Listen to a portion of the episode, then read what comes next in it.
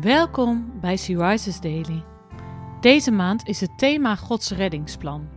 En vandaag luisteren we naar een overdenking van Teersa Bendes. We lezen uit de Bijbel Efeze 3, vers 3 tot 6. Dat hij mij, Paulus, de openbaring dit geheimenis bekendgemaakt heeft, dat in andere tijden niet bekendgemaakt is aan de mensenkinderen, zoals het nu geopenbaard is aan zijn heilige apostelen en profeten door de geest. Namelijk dat de heidenen mede-erfgenamen zijn en tot hetzelfde lichaam behoren en mede-deelgenoten zijn van zijn belofte in Christus, door het evangelie. De apostel Paulus wordt ook wel de apostel van de heidenen genoemd. Hij brengt hen het goede nieuws van het evangelie. En zo is het door de eeuwen heen ook bij ons gekomen. Net als het Joodse volk mogen wij dankzij de Heere Jezus onderdeel uitmaken van Gods verbond met Israël. Stel je eens voor dat jij deze brief van Paulus ontvangt.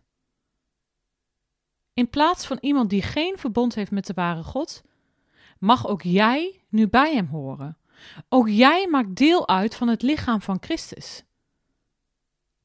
Misschien vergeten we soms hoe wonderbaarlijk het is dat wij kinderen van God mogen zijn, doordat Hij zijn eigen zoon heeft opgeofferd. Als jij jezelf daarin herkent, neem dan vandaag eens extra de tijd om erbij stil te staan wat het voor jou persoonlijk betekent dat je een deelgenote mag zijn van Gods belofte.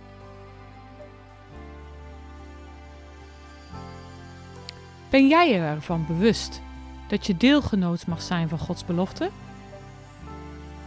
Wat betekent het voor jou dat God een verbond met je wil sluiten?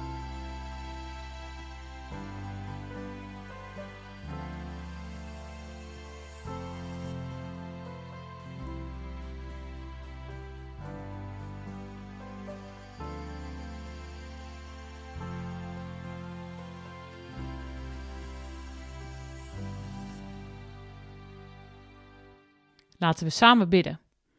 Heere God, dank u wel dat u mij heeft ingelijfd in uw familie. Dank u dat uw verbond nu ook met mij gesloten is. Maak mij tot een getuige van uw genade en liefde voor de mensen om me heen. Heer, laat me alstublieft nooit vergeten hoe groot dat wonder is. Amen. Je luisterde naar een podcast van Sea Rises. She Rises is een platform dat vrouwen wil bemoedigen en inspireren in hun relatie met God.